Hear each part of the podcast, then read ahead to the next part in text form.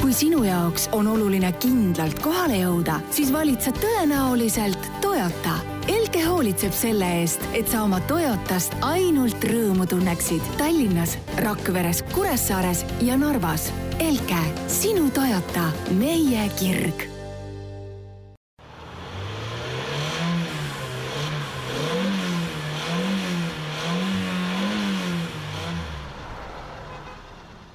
tere, kolmapäev on käes, äh, istmesoojendusaeg, äh, tänased teemad on sellised, äh, räägime Nobel autodest ja mölakatest, siis sellisest huvitavast programmist, mille nimi on Koju, elektriautost Peugeot e-Legend, mis tõotab tulla, BMW X5 pistikhübriidist ja autopesust talvisel ajal. stuudios oleme loomulikult mina, Jan-Mattias Mandri ja Veli. tere hommikust! Ja, ja lähmegi siit kohe edasi ja, ja räägime siis Nobel-autodest ja mölaklusest. Helsingi Ülikooli teadlased on siis äh, uurinud, missugune on äh, Nobel-autode juhtide äh, selline psühholoogiline pool ja leidsid, et nad on valdavalt egoistlikud, riiakad, jäärapäised ja ebasümpaatsed ja, ja eks see on ju teada, et kalliste autodega rikutakse rohkem liikluseeskirju ja see on niimoodi, see on niimoodi peaaegu igal pool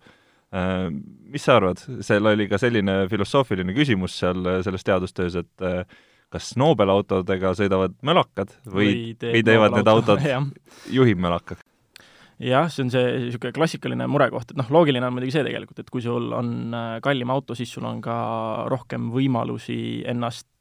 siis nii-öelda äh, libedalt välja päästa mingitest olukordadest, mis sul pärast reeglite rikkumist äh, tekivad. aga noh, kui siin üleüldiselt minna nende noobrite autode peale, siis alati on BEM-i juhte siin äh, kritiseeritud. kusjuures minu kogemus hiljuti ja viimasel ajal liikluses on olnud pigem see, et ütleme veel aasta aega tagasi hakkasid hoopis Audi juhid silma jääma sellise BEM-i juhi käitumisega. ma mäletan on..., ma mäletan, et oli üks lugu, äh, mis rääkis, et tegelikult või see oli mingi aasta või natukene isegi rohkem tagasi, et Eestis on tegelikult kõige suurem liiklusrikkaja on üldse Škoda roolis et äh, jah, seal on puhtalt massiga peale juba selles mõttes. jah, et see ongi, olenebki natuke sellest, et kuidas seda asja mõõta ka ja, ja, ja mida me siin üldse liiklus... mida, sul... mida me siin üldse liiklusrikkumiseks äh, mõõdame, et kas me ja. loeme ainult neid korda, neid kordasid, mis siis politseil on vahele jäädud või neid kordasid, mida nagu igapäevaselt liikluses ka tähendab? täpselt, mina pigem äh, lähtun isegi sellest, et, et kes mulle just a la lõikab sõiduraja ära või suunda ei näita või millegi muu niisuguse toredaga silma jääb aastake tagasi veel olid need Audi juhid, ehk siis minu pähe tekkis lause Audi on uus BEM ja nüüd ma ütleks, et viimase kuu aja jooksul, ma ei tea, miks, on just Mersusid eriti palju, mis teevad seda nii, et äh, minu kogemus on, et Mersu on uus Audi, on uus BEM äh, käi-, liikluskäitumise poolest. mina olen märganud tõesti seda, et seal ei ole mitte mingisugust vahet, et äh, kuna seda noh, autosid on küll nii palju, siis ega neid selliseid korralikke jobusid leiab iga auto roolist ja sa, täpselt samamoodi on, ongi seesama, et kuna massi on nii palju osadel autodel nagu Toyotal ja Škodal, siis on -hmm. täiesti kindel see, et kui sa nagu igapäevaselt ringi sõidad, siis sa näed ka neid tõsiseid jobusid, kes sõidavad Škodade ja Toyotadega, et et võib-olla, võib-olla Eestis noh, meil on muidugi, meil ongi see selline rahvapärimus, et ikkagi BEM-i roolis istub see, kes on, kes on see kõige suurem tropp, aga, aga see ei kehti ju igal pool. et kui me võtame kas või Saksamaa näiteks, siis mm -hmm. Saksamaal on ju BMW maine on hoopis teine ja seal ongi see, et kui sa sõidad BMW-ga, siis sa oled ikkagi tehtud mees ja, ja, ja sa oledki mingisugune kuhugi elus jõudnud ja nii edasi. jah, ja see on ka see liikluskultuuri teema ja see staatuse teema tõesti, et mul on tunne, et see margi kuvand, brändi kuvand on, on tõesti Saksamaal nii teine, et see ütleme, et kui äh, mis see sõnastus oli siis, et äh, nartsissistlik ja egoistlik mm -hmm. inimene vaatab endale autot, siis noh, eks siin lähtutakse on ju rahalisest võimekusest, soovist näidata välja oma staatust ja ühtlasi hakatakse siis äh, elama sisse ka selle brändi kuvandisse ja Eestis on BEM-i kuvand paraku on, mis ta on, on ju. Saksamaal seevastu ma just arvan, et see ongi niisugune, niisugune tutika BEM-i teema on ikka niisugune välja peetud härrasmees, sõidab viisakalt ja pigem niisugune noh, ütleme, ongi niisugune ülikonnas, noh, üldine kuvand on niisugune ülikonnas viskit rüüpav rahulik äh, härrasmees, kes kuulab õhtul oma džassi eks see tegelikult ju Eestis ka samamoodi, et ega kui me siin tänagi räägime, on ju, BMW X5-st, äh, pistikhübriidist, siis äh, selle auto hind on üle saja tuhande euro, et see ei ole mm -hmm. nagu see, et äh, igaüks tänavalt tuleb ja ostab selle, kui ta on, tahab seda osta et noh, muidugi meil ongi see, et meil on, meil on, meil ongi need kaks erinevat maailma, et ühed on need, kes sõidavad nende kalliste BMW-dega ja need ongi need, kes on, kellel on võimalused, et seda teha ja järelikult mm -hmm. peavad ka olema elus midagi saavutanud. ja samas on nagu see teine kontingent, kes tavaliselt sõidab Winterbeateritega, kus on mingisugune yeah. stange on umbes pandud kaablivitstega kinni ja mingid muud niisugused asjad, on ju, et et noh, seal on mingisugused, mingisugused iseloomujooned, mis võib-olla välja joonistuvad mõlema grupi puhul, aga aga üldiselt on see ikkagi nagu üldistustega ikka, et, et ühe vitsaga ei tasu lüüa. jah, ja sa, sedasama ütles ka Sirle Loigo PPA-st muidugi tegelikult, et, et noh, põhimõtteliselt laias laastus, et statistika seda ei näita, kindlasti ei saa siis mingi margi juhti äh, üldistada ja noh, noh, täpselt see, mis me ise arvame, et lõppkokkuvõttes on asi ikka see, et mis meile endale silma jääb. et samamoodi ma arvan, et see, et mulle mersud silma jäävad nüüd mingisuguse lollaka käitumisega, on lõppkokkuvõttes pigem minu teema, et ma märkan seda seaduspära aina rohkem ja registreerin neid juhtumeid enda jaoks rohkem ja mingisuguseid škotšikuid ei panegi tähele, kes mingeid lolluseid teevad. just äh,. Kuna me siin PPA juurde juba välja jõudsime, siis räägime ühest äh, programmist, see programmi täheühend siis on koju äh,, mis äh, tuleneb sõnaühendist korralik juht äh,. Tegemist on äh, rehabilitatsiooniprogrammiga ja, ja see tähendab, et selleks, et juht sinna arvatakse siis tal ei tohi olla varasemaid ju-, äh, rikkumisi ega alkoholisõltuvust. Ja see ongi siis alkoholi rehabilitatsiooniprogramm, just kui sa oled äh, purjus peaga sõitmisega vahele jäänud, siis ühesõnaga varasemaid rikkumisi ei tohi olla ja sul ei tohi olla alkoholisõltuvust. ja, ja selle eesmärgiks ongi aidata inimestel mõista, et neil on alkoholiga probleem. Ja, ja see programm, selle programmiga on veel selline eripärane asi, et inimene peab selle eest ise tasuma ja, ja on siin nüüd vaadatud, et äh, kes sinna, kes sinna sellesse koju äh, programmi gruppi kuuluvad ja ilmselt mitte väga üllatuslikult äh, näitab statistika et, et kaheksakümmend üks protsenti nendest on mehed, üheksateist protsenti on naised ja kõige suurem grupp on neljakümne kuni neljakümne üheksa aastased mehed aga mis, mis, mis üllatav on, on see, et enamik juhtumeid, mis äh, sinna programmi ikkagi on registreeritud või inimesed, kes on sinna läinud, äh, siis see sealt lahkujate protsent on tegelikult väga väike. mis sa arvad, et kas sellised rehabilitatsiooniprogrammid peaksidki olema võib-olla trahvide ja karistuste asemel veel või, või kuidas nad võiksid seda täiendada või mis sa arvad sellistest programmidest? ma arvan, et see on selles mõttes hea algatus, et, et kohe ei lajatata nii, nii jõhkralt, siin võib arvestada tõesti noh, täpselt nagu on ka sõnastatud, et, et ei ole alkoholisõltuvust, ei ole mingeid kaldusi, ei ole näha, et eelnevaid rikkumisi oleks olnud, siis ongi selge, et võiski, võiski juhtuda mis iganes, mida juhid ikka enda õigustuseks kasutavad, et jääknähud või noh, mis iganes kor-, korra kellelgi juhtub, siis ei ole kohe veel võib-olla mõtet maksimumiga lajatada, kuigi joobes juhtimise osas ma ikkagi olen seda nulltolerantsi pooldanud äh, esimesest hetkest, kui ma endale juhiloaga ise tegin, et äh, paraku lihtsalt see, see kurb pilt on meie liikluses äh, just selle joobes juhtide statistika osas. et neid jääb nii palju vahele ja lõppkokkuvõttes on ainult jäämäe tipp, on ju. Et osa, osa minust tahaks öelda, et jah, lajatage muidugi maksimumiga kõik nagu teedelt minema, ja teine osa minust mõtleb, et noh, jah, inimlik pool on ju see, et kõik teevad vigu, mõned, mõned inimesed satuvad jääknähtudega rooli ja võib-olla neile siis kohe tõesti, kui, kui see ei ole nagu pahatahtlik viga ja nii tundub ka politseiametnikele, siis miks ka mitte ei võiks olla neil mingi alternatiiv.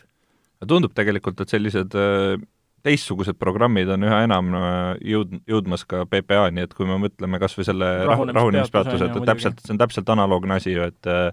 et antakse inimestele nagu teine võimalus natukene mõelda selle üle, mis ta tegi ja, ja natukene mõtestada seda, et kas see on õige käitumine ja, ja siis loota seda, et võib-olla ta parandab ennast mm. -hmm. et, äh, et sellega seoses mul meenus üks lugu, et äh,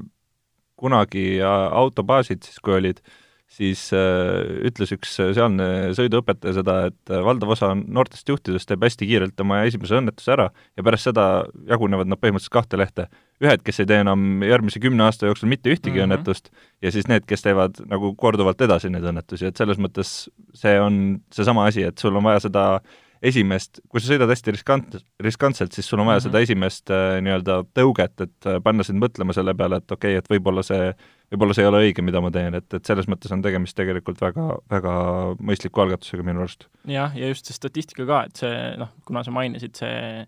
et osad teevad muudkui edasi, on ju, see riskikäitumine, et see jällegi kaheksakümmend üks protsenti nendest juhtidest, kes on sinna korralik juhtprogrammi saadetud, on mehed, on ju, et mm -hmm. see riskikäitumine lihtsalt on nii palju suurem meeste puhul, et see peegeldab seda täielikult. Aga nüüd räägime ühest äh, ilusast äh, elektriautost ja see on Peugeot e-Legend äh,. minu arust meenutab see väga Dodge Challengeri mingisugust sellist äh, elektrilist äh, kaksikvenda äh,. ma räägin natukene siis äh, andmetest äh,, praegu räägitakse selle puhul kuuesaja kilomeetrisest sõiduulatusest ja kolmesaja neljakümne kilovatisest võimsusest, mis siis oleks äh, kahe elektrimootoriga saavutatakse. ja, ja räägitakse, et see auto võiks nüüd olla võimalik, kuna inimestel on äh, nii suur huvi selle vastu ja, ja viie aasta perspektiivis võib olla täitsa teema, et see isegi ilmub äh,. Üks asi veel, mis selle puhul on äh, väga omapärane, on see, et äh, loomulikult räägitakse kõvasti isejuhtimistehnoloogiast ja sellest, et see, see saab olema seda nagu lademetest täis, et põhimõtteliselt seal on neli erinevat sellist režiimi ja, ja üks režiim ongi põhimõtteliselt see, et auto sõidab täiesti ise ja, ja see teine äärmus on siis see, kus, kus juht saab kõik need ohjad enda kätte võtta mis sa arvad sellest äh, sõiduriistast ja võib-olla elektrifitseeritud Peugeot'dest üldisena, et neid on meil siin viimasel ajal ju kõvasti peale tulnud, et mis sa ütleks, kas, kas, kas see elektrifitseerimine on teinud nagu Peugeot paremaks või ta on pigem teinud teda halvemaks või mis su arvamus on selles suhtes? vot praegu siinkohal ma ei ole sõitnud ühegi elektrilise Peugeot'ga, et ma ei oska seda, seda arvamust siin äh, otseselt isegi, isegi mitte midagi... ühegi hübriidiga või? Äh, kusjuures ei ole ette sattunud, minul on õnnestunud sõita ikkagi äh, viimased Peugeot, millega ma sõitsin, olid need äh, kaks kiiremat versiooni, et mis olidki vist kakssada kaheksa ja kolmsada kaheksa GTI äkki, see oli ikka mm. suhteliselt ammu tegelikult, pärast seda pole Peugeot kuidagi väga see oli nagu jah, mingisugune hea kolm aastat tagasi vähemalt. jaa, et äh, aga siin, siin ongi see, et mida ma selle, vaadates seda e-Legendi kontsepti, siis noh, see on ikka väga ülbe ja niisugune retrokupee idee on mulle alati meeldinud. et noh, elektriautodega selles mõttes äh, meil, ma ei tea, kui paljud nagu justkui kõvatavad mingite andmete osas, et oh, sõiduulatus ja akupaki mahtuvus ja mingisugused mitu ajamit on ja ja kõik see, et äh, noh, nii hästi ja naa, prakt-, nagu, no, praktiline pool on seal elektriautode puhul nagu hästi oluline. jah, aga siis kuidagi on, kuidagi on nagu ära unustatud see, et inimesed mulle tundub, siiski ei taha väga ringi sõita selliste glorifitseeritud rösteritega. et selle koha pealt on, on see e-Legend, no tõesti, ta on silmale ilus ja mulle meeldivad, alati on meeldinud niisugused äh, ülbed, äh, laiad, madalad, muskelautojoonega kupeed, et no, no tõesti, see, see on ilus asi ja kui Peugeot suudab selle sellises vormis tootmisesse panna, siis samm väga õiges suunas minu jaoks. ja no, sa ütlesid Tes Tesla puhul on täpselt tegelikult samamoodi räägitud sellest sarnasest autost, aga võib-olla see küsimus ongi see, et kes seda ostab tegelikult, et inimesed küll ütlevad, noh, sina samamoodi ütled, et pagana kihvt näeb välja, on ju, mhm. aga kas sa päriselt lähed poodi ja ostad selle? ja vot minu süda on veel liiga, liiga jõhkralt seal sisepõlemismootorite koolkonnas, et äh, ma olen ikka sinnapoole väga jõuliselt kaldu, et äh, olen sõitnud siin mõndade ägedate masinatega ja ühe või kahe Teslaga. ja noh, korraks võib tõesti põnev olla, on ju, aga ta on ikkagi natuke kummastav. kusjuures naljakas on näha seda, kuidas ähm, näiteks autoportaalides äh, ja lehtedel a la Top Geari koduleht, on ju, kui sa vaatad seal mingisuguseid uudiseid ja kommentaare artiklite all, siis veel kaks aastat tagasi äh, kõik nii-öelda noh, kõik nii-öelda tegid maha ja röstisid neid elektriautosid ja oi, et pole iseloomu ja pole nägu ega tegu, ja nüüd äkitselt on, tundub see olevat täielikult muutunud, et inimesed äh, ootavad massiliselt seda, et äh, et need sõiduulatused muutuksid ja laadimiskiirused muutuksid äh, sisepõlemismootoritega võrreldavaks ja, ja kui seal on jälle uudised mingisugustest elektriautodest ja hüperautodest, siis äh, kiidetakse takka ja vaadatakse, kuidas oo, et nüüd veel natuke aega ja siis saab juba, on ju, selle massi ka alla ja kõik, äh, et on nagu sisepõlemismootori aeg on läbi. et seda on naljakas näha tegelikult, sest noh, see, see, see paradigma muutus on toimunud nii kiiresti, et Top Geari-suguselt lehelt ja ne-, ja nende kuulajas- ja vaatajaskonnalt sellist nii kiiret muutust mina ei oleks oodanud, ma mõtlesin, et seal on ikka sellised Jeremy Clarksoni stiilis äh, vanakooli mehed, kes äh, kes ikkagi viimase hingetõmbeni välja on sisepõlemismootori mehed, aga, aga näed. aga tegelikult, kui tahta sõita ja tahta sõita kiiresti, siis äh, ka elektrimootoril on ju palju eeliseid võrreldes sisepõlemismootoriga, ongi just see, et äh, noh, näiteks see vääne on konstantne, on ju, et ta ei muutu mm -hmm. sõltuvalt pööretest ja nii edasi. noh, samas see on jällegi see, see on see teoreetiline pool, on ju, et no seda on äh, tegelikult on... tunda ka ju, ütleme niimoodi, kui sa paned ikkagi noh, kui sa, kui sa vaatad, missugused on nende kõikide elektriautode kiirendused põhimõtteliselt, et kas või mingi suvalise Nissan Leafi kiirendus, siis see on ikkagi kusjuures jah, vahe, vahemärkus on see, et naljakas äh, asi, mis ma olen ka märganud, on see, et minu STI-ga tihtilugu nii-öelda foori taga ei proovi joonele panna isegi mitte enam mingisugused BEM-id ega mingid niisugused ootuspärased asjad, väga tihti on need just Nissan Leafid, kes mõtlevad, oh, nemad nüüd kiirendavad eest ära. aga tagasi selle pointi juurde on see, et noh, et selleks, et sõita mingeid kestvussõite või asju, siis elektriajam ikkagi veel noh, äh, on selle koha pealt natukene nagu lapsekingades, et temperatuurid ja siin vastupidavus, mahtuvus ja just, just see, et kuidas auto võimsus ka kukub, kui aku enam ei ole täis, on ju et see veel noh, nii ja naa, ta võib olla mingiteks äh, kiirete ringiaegade sõitmiseks täiesti pädev, kui autol on piisav aero, aga siiamaani põhiline kogemus on olnud see, et ikkagi rasked masinad kurvis ei pea nii hästi kui mingisugused kergemad äh, sisepõlemismootoriga masinad.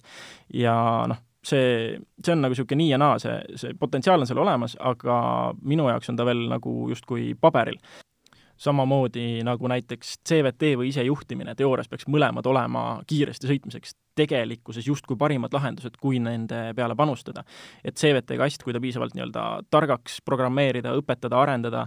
peaks oskama hoida sul autot rajal kogu aeg täpselt õige koha peal, kus sul on käes kogu vääne ja kogu jõud, on ju. samamoodi isejuhtimine peaks mingiks hetkeks suutma rajad niimoodi ära õppida, et äh, noh, et inimesel ei ole sinna rooli enam asja masin sõidab alati sinust paremini, on ju, aga kas me oleme seal omadega veel? tegelikkuses ju ei ole, elektriautodega on minu jaoks sama lugu, et paberil, teoorias, kõik see on olemas, aga praktikas natukene jätab veel soovida ja mina olen veel, ma arvan, et vähemalt viisteist aastat niisugune sisepõlemismootori koolkonna mees. kuulame nüüd ära ühe väikse partnerklipi ja siis räägime ühest BMW X5-st, millel samamoodi elektriautode sugemeid täitsa on Eesti Ekspress ja Mandatum Life kutsuvad konverentsile Kuidas tõsta ettevõtte väärtust. kaheksandal aprillil Noblessneri valukojas. Nii, äh, ühesõnaga, kui äh, teil õnnestub tõsta oma ettevõtte väärtust, siis võib-olla varsti võite minna ka autoesindusse ja vaadata BMW X5 pistikhübriidi poole,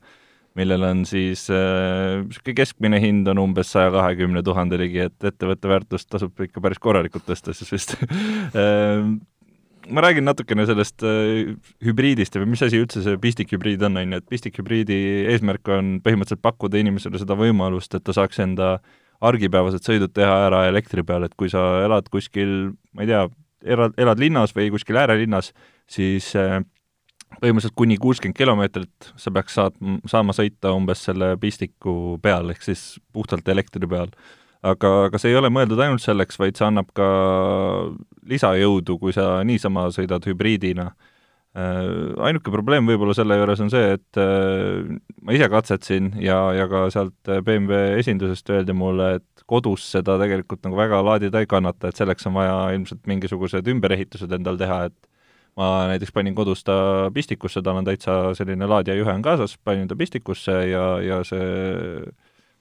lihtsalt ütles mulle, et äh, sorry, et siin on mingi viga, et ei saa, ei saa laadida. ja, ja noh, sellega on ka see probleem, et ma ei tea, ma ei tea, missuguse laetuse juures sina taga sõitsid, ma sõitsin temaga niimoodi, et ta oli umbes täpselt äh, kaks kolmandikku oli ta täis ja, ja pärast seda ma tegelikult teda laadida ei saanudki, ehk siis ülejäänud aja ma sõitsin puhtalt sisepõlemismootori peal mm. -hmm. ja, ja seda on nagu, seda on ikka tunda sõidus, et kui sul on see, noh, seal on erinevad režiimid muidugi, sa saad sõita niimoodi, et sa sõidad põhimõtteliselt, äh, lülitad selle hübriidi välja, mis iganes, sõidad ainult elektri peal ja nii edasi, et äh, sõitsin mingisuguse sellise intelligentsema lahenduse peal, mis peaks ise seda jagama vastavalt sellele, et kuidas sul seda akut on ja, ja kuidas bensiini on ja nii edasi siis äh, oli tõesti tunda, et sel hetkel, kui aku sai tühjaks, siis jäi masinal nagu rammu, rammu ka puudu mm, -hmm. et, et see oli nagu täitsa tuntav asi. ja, ja siin ma ise sain paraku jah, suhteliselt lühidalt temaga sõita, ma vahemärkena ütlen jah, selle pistikluse kohta, et äh, kui sa ostad endale pistikhübriidi, siis ära unusta ära seda pistiku osa, sest vastasel juhul sa kaotad igasuguse eelise, mis sul tegelikult on, on ju, ja selles mõttes ongi natukene nõme, et noh, miks ta siis ütles sulle, et kodus, et ei saa laadida, kas pinge Aa, ilmselt, või... ilmselt ma arvan, et ta pidas silmas nagu Eesti olusid, et Eestis on ju see, et noh, meil on,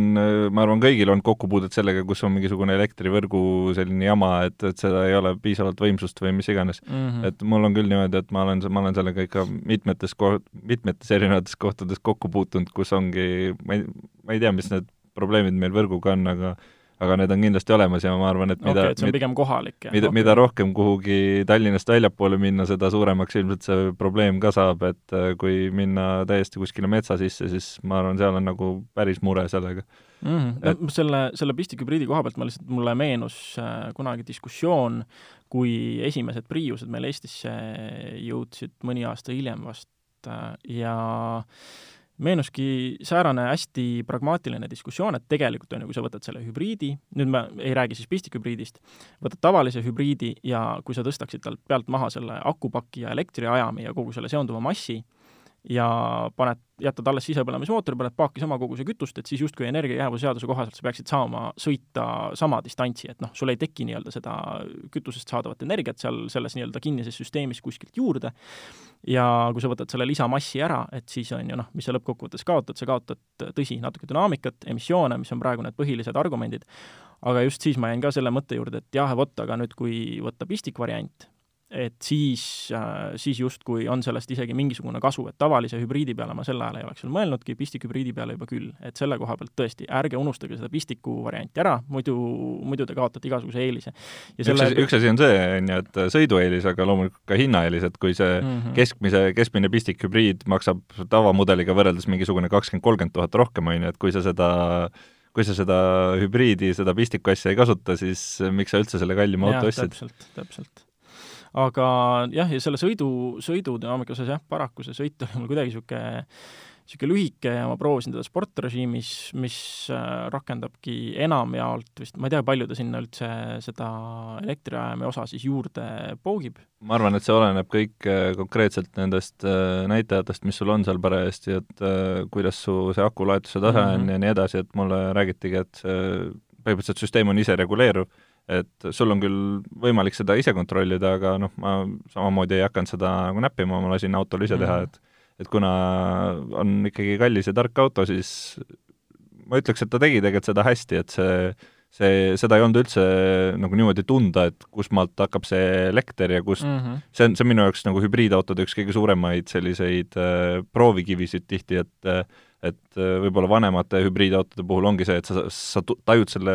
punkti, kus elekter läheb üle sisepõlemismootoriks väga hästi mm. -hmm. ja, et ja sul ongi nagu nii-öelda kaks režiimi, et sul on kas see, kus see, äh, kus see teeb sul niimoodi vaikselt trollilikult mm -hmm. või siis sul tuleb sisepõlemismootor taha ja ta karjub, aga noh, edasiliikumist ja dünaamikat kui säärast väga nagu ei ole, et BMW-ga vähemasti seda probleemi ei olnud, et äh,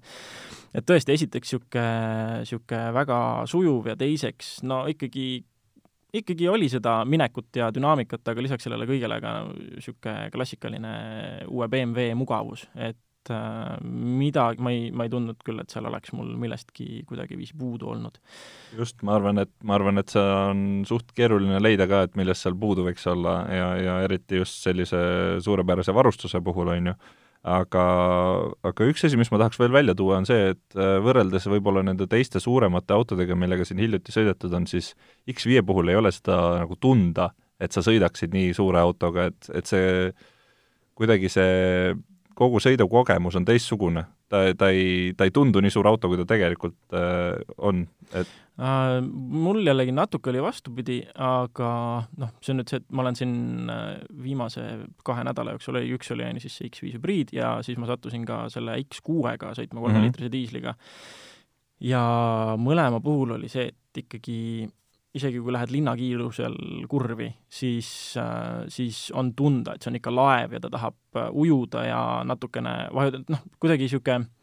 hästi ujuv tunne üleüldiselt. oleneb, millega võrrelda, et mul on siin hiljutine võrdlus näiteks Subaru äh, see Forester hübriid, on ju, et sellega aa, no see tõenäoliselt kaldub no, ikka suhteliselt et, et sellega võrreldes on see ikka mm, -hmm. üldse ei ole tunda, et ja, oleks suur auto. et, et selles mõttes noh, ruumi on muidugi normaalselt, võiks mm -hmm. olla rohkem, arvestades auto suurust, ma arvan, võib-olla äh, kütusekulu oli väga okei jäi mul äh, üheksa ringi umbes mm, -hmm. kuigi ma, mul see hübriidi osa jäi võrdlemisi väikeseks, on ju et, et kui sõita rohkem hübriidiga, siis ilmselt saaks ka selle kulu kõvasti alla. Palju ta, palju ta meil kaalub, see X6 oli kaks tuhat kolmsada, palju nüüd see siis vot mul niimoodi kaaluandmeid ei ole siin äh, kuskilt puusalt niimoodi võtta, aga ma vahepeal räägiks veel äh, multimeediast, et see minu arust BMW ja üldse nende kallimate Saksa autode üks probleem ongi võib-olla see multimeedia, mis on selline vanamoeline, et tal on küll, sul on see puuteekraanid ja kõik asjad olemas, on ju, aga kogu see juhtimine eeldatakse, et see käib ikkagi kangiga. et isegi näiteks minu pikkade käte puhul sa, sa noh, sa sõidu ajal lihtsalt ei ulatu sinna. vaatasid välja, mis see kaal oli mm,? ei tule praegu nii lihtsalt see siit veel välja. no vot, ühesõnaga see kangisüsteem tegelikult, ta on kannatatav, sellega saab asjad äh, tehtud, aga need menüüd on ikkagi natukene raskekoelised minu arust ja seal on nagu asjade leidmine on natuke probleemne positiivse poole pealt äh, multimeediast mulle meeldis väga see, et Spotify oli integreeritud mm, -hmm. et siis sa said nagu täiesti sinna sisse logida ja kogu see asja juhtimine käis siis sealt autost. jaa, see on niisugune kasvav trend viimasel ajal, Volvo nüüd üritab seda ka muuemate masinate puhul rakendada hästi mugav. et see on, see on suurepärane jah, et mul oli muidugi probleem sellega, ma ei saanud enda Spotify kasutajat sealt nagu pärast lahti, nii et kes lähevad no., kes lähevad uue X5 püstikhübriidiga, siis ütlen, et saavad ilmselt minu muusikat seal kuulata. kõrvalepõikena massi leidsin ka üles, tundub jah, olevat kahe tuhande kolmesaja, kahe tuhande neljasaja vahele tühjalt, et täiesti arvestatav laev ikkagi selles mõttes. jah, vot ühesõnaga selline auto on äh,, super mugav loomulikult, nagu BMW-le kohane äh,, sõidukogemus on täiesti okei okay ja ja, ja loomulikult on ka seda pistikhübriidi võimekust võimalik kasutada ja Eestis on see eriti nagu noh, ma kujutan ette inimesed, kes kuskilt, ma ei tea, Tabasalust või kuskilt sealtpoolt või näiteks Viimsist sa mm -hmm. põhimõtteliselt saad vabalt oma, oma päevased sõidud äh, ilusti ära teha, on ju. jah, ja eriti mugav on see veel siis, kui sul on kodus äh, kättesaadav ka tööstusvool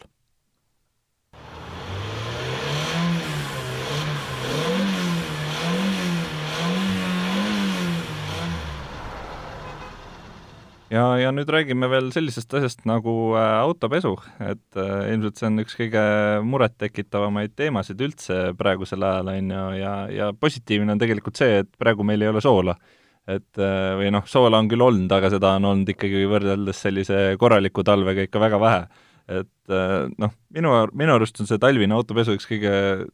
nagu autoga seonduvaid kõige probleemsemaid teemasid üldse, et mulle ei meeldi see mõte sellest, et äh, ma lähen sinna ise pesulasse, on ju, seepärast et seal äh, auto jääb märjaks ja, ja sama hästi ma võin teda põhimõtteliselt mitte pesta, et see on niisugune kiire loputus, on ju. loomulikult pesutänavale ma ei lähe, sellepärast et mul ei ole ei soovi ega viitsimist hakata oma autot nagu uuesti üle poleerima Äh, ja, ja noh, mis, mis variandid mul siis jäävad? Äh, selle mingisuguse null kraadi ligidal oleva ilmaga ma ei taha seda ise väljas ka pesta ämbritega, et see on ilmselgelt, ilmselgelt nagu mingisugune paaritunnine ettevõtmine, et veeta see aeg värskes õhus oleks küll tore ja värki, aga, aga talvisel ajal ei kutsu väga. ja mm, -hmm. ja, ja noh, ma ei, ma ei teagi, mis see hea lahendus oleks. jah, siin kuidagi jah, see talvine autopesu on niisugune kuidas ma ütlen, mis võiks olla tore eestikeelne sõna unrewarding'u kohta, et äh, sa sõidad pärast seda mingisugune maksimaalselt ühe päeva ja sa näed, et noh, erilist kasu justkui ei olnudki. et mina loputasin oma, lihtsalt lasin survekaga oma auto kusagil isepesulas üle suurema sopa maha mingisugune nädalake tagasi. Ja no eks ta praeguseks on enam-vähem suhteliselt samasugune, et äh, nagu ta enne oli, et et, et ma isegi talvel nagu suurt rõhku mingisugusele pesule kui sellisele ei pane, suurem sopp maha ja las ta läheb. ma isegi tagasi. ei mäleta, millal ma käisin, sellepärast et seal ei ole vahet, sa nagu unustadki selle ära, sa võid võib-olla nädala alguses käia ja siis nädala mm. lõpus tundub nagu nii, nagu sa ei oleks käinud, ma ei tea, kuu aega seal, et selles mõttes. jaa, et ainuke argument, mis on, ongi tunnetuslikult see, et et noh, kui ma ei oleks teda ära loputanud, siis ta oleks praegu tegelikult nagu summa summarum palju sopasem, on ju. aga noh, nagu visuaalselt justkui suurt vahet ei olegi. aga mis see hea lahendus olla võiks, jah, tõsi, ongi see, et äh, ma ei tea, mina ikkagi sellise ilmaga, nagu meil praegu see talv on olnud, on, on see, et lähed kusagile sinna isepesule katuse alla ja lased tal lihtsalt surveka ja šampooni ja survekaga seal üle, et, et ta natukenegi, natukenegi seda saaste maha saada. ma arvan, et tegelikult üks võimalus või ta, tegelikult mul on nagu kaks ideed. Ühe puhul ma olen kuulnud, et see toimib, teise puhul ma arvan, et see võiks toimida, üks on see, et ehitada endale garaaž, kus on mingisugune äravoolutrapp, on ju, ja, ja siis seal äh, teha siis ämbritega pesu ja tõmmata vaha peale, siis ja, ma arvan, et see võib-olla püsiks ka natuke aega. sest see on lahendus, mis on ilmselgelt meile kõigile väga kättesaadav. Ma, ma ei rääkinud, et see on kättesaadav, ma lihtsalt ütlesin, et see, no, see, on, see on võimalik, see on võimalik, see on, see oleks minu see lahendaks selle probleemi, on ju aga, aga teine on võib-olla kasutada neid keraamilisi kaitsevahendeid, et ma olen kuulnud, et need talvisel ajal on tegelikult palju abiks, et ma olen ise pikemat aega mõelnud selle peale, et võiks selle asja ära proovida, on ju, ma tean,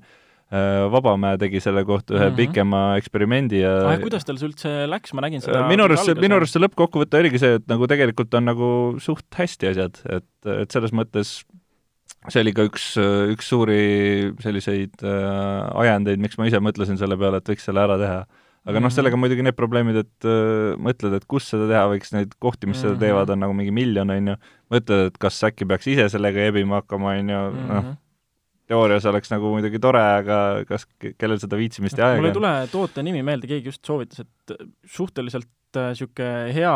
ja lihtsasti paigaldatav lahendus, mida ta alati kasutab pärast iga autopesu ja pidi olema ikkagi niisugune noh, et a la aastavaru seda keraamilist ainet oli mingisugune äkki viiskümmend euri või midagi sellist. Mm..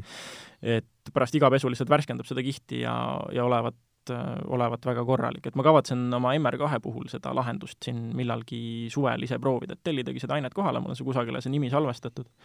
ja vaadata, kuidas see on, et siis eks siis saab sellest ka mingit sorti katse või mingi kokkuvõtte teha mingil hetkel, kui on seda saanud natuke pikemat aega testida, ütleme mingisugune pool aastakest äkki mm. -hmm. aga keraamika, mul oli ka eelmisel, eelmisel STI-l keraamiline peal ja tegelikult tuleb tunnistada, et äh, suurt vahet ma lõppkokkuvõttes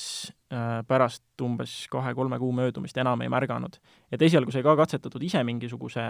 ise peale pritsitava ainega, et ongi, sa teed korraliku äh, igasugused pigi- ja leotused ja pesud ära, siis äh, käid pinna nii kuivaks kui võimalik, piserdad seda ainet peale, lased tal natuke olla ja siis äh, oli vist veel lõpetuseks kerge poleerimislapiga ülekäimine või midagi säärast.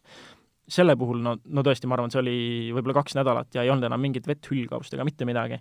ja nüüd, kui lasin kunagi teha korralikku keraamika, siis siis see oli jah, mingisugune kolm-neli kuud ja siis sa juba nägid, et mingite kohtade peal enam ei hülga see pind vett korralikult noh, see oli nüüd korralikum pakett muidugi ka, et seal tehti kõik, kuidas selle nimi ongi, savipesu ja mingisugune noh, kerge poleer kogu auto värvi pinnale ja, ja siis alles see keraamika. ja pärast siis mingisugune pool aastakest hiljem sai käidud veel äh, sellises täiendavas pesus, kus ta hindas selle keraamika olukorra üle ja ütles, et, et väga korralik, et nüüd ta seda, no see oligi nii-öelda katsetuse, katsetuse jaoks proovis uut ainet ja, ja ütles, et noh, et nüüd see on tal nii-öelda siis ettevõtte repertuaaris, et see on ennast nagu tõestanud, aga minu silma jaoks jah, see noh, mille järgi sa saad hinnata seda, on ju, on, ongi põhimõtteliselt pinnavett, hülgavus ja see, kui hästi ta mustust külge võtab või mitte. ja ma ise nagu ei tajunud nii äh,, nii hämmastavat vahet enam pärast mingit kolme-nelja kuud